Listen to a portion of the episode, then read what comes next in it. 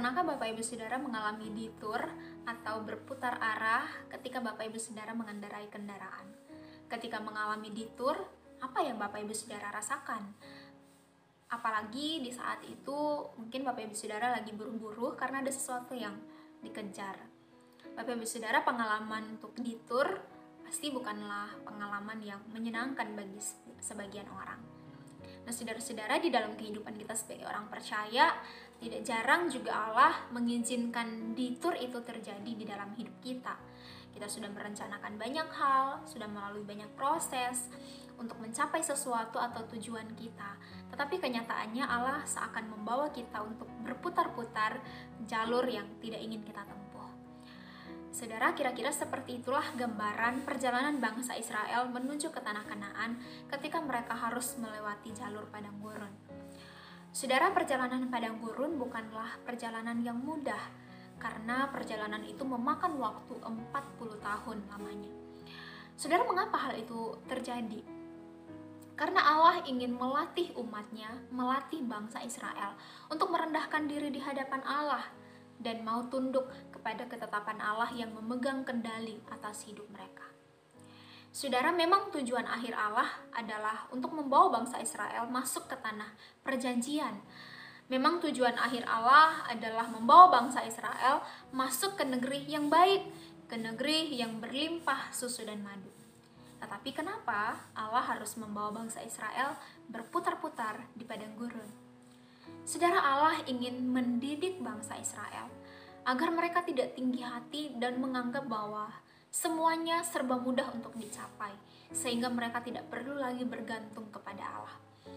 Allah ingin bangsa Israel belajar untuk merendahkan diri, untuk tidak tinggi hati dan terus mengingat pertolongannya serta bergantung sepenuhnya hanya kepada Allah.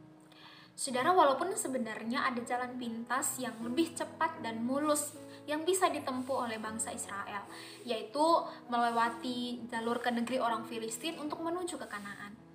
Tetapi Allah menuntun bangsa Israel berputar-putar di padang gurun selama 40 tahun lamanya.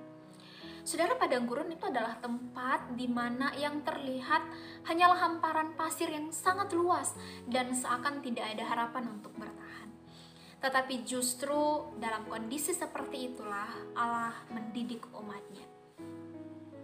Saudara, di dalam perjalanan hidup kita sebagai orang percaya, Allah sering kali tidak membawa kita melalui jalan yang pintas, yang menjanjikan segala sesuatu serba mudah dan enak. Tetapi tidak jarang Allah menuntun kita melalui jalur padang gurun. Padang gurun yang sepertinya tidak ada harapan untuk kita bertahan karena yang ada hanyalah tanah yang gersang dan tidak ada kehidupan. Tetapi percayalah Bapak Ibu Saudara bahwa di balik ditur yang Allah izinkan untuk kita lalui, Ia sedang melatih kita untuk bergantung penuh kepadanya. Allah yang memegang kendali atas hidup kita. Saudara, di masa-masa dua tahunan ini, ada berapa banyak ditur yang Allah izinkan terjadi di dalam hidup kita Seakan hidup kita berputar di situ-situ saja dan gak bergerak ke mana-mana. Seakan hidup kita hanya berputar seputaran pakai masker, jaga jarak, jauhi kerumunan, uh, diam di rumah sebisa mungkin, dan lain sebagainya. Saudara, biarlah firman Tuhan hari ini meneguhkan dan menguatkan kita bahwa ditur pun adalah bagian dari perjalanan iman kita bersama dengan bahwa di tur itu Allah izinkan untuk melatih kita punya kebergantungan penuh kepada Allah dan penyerahan diri yang total kepada Allah yang memegang kendali atas hidup kita.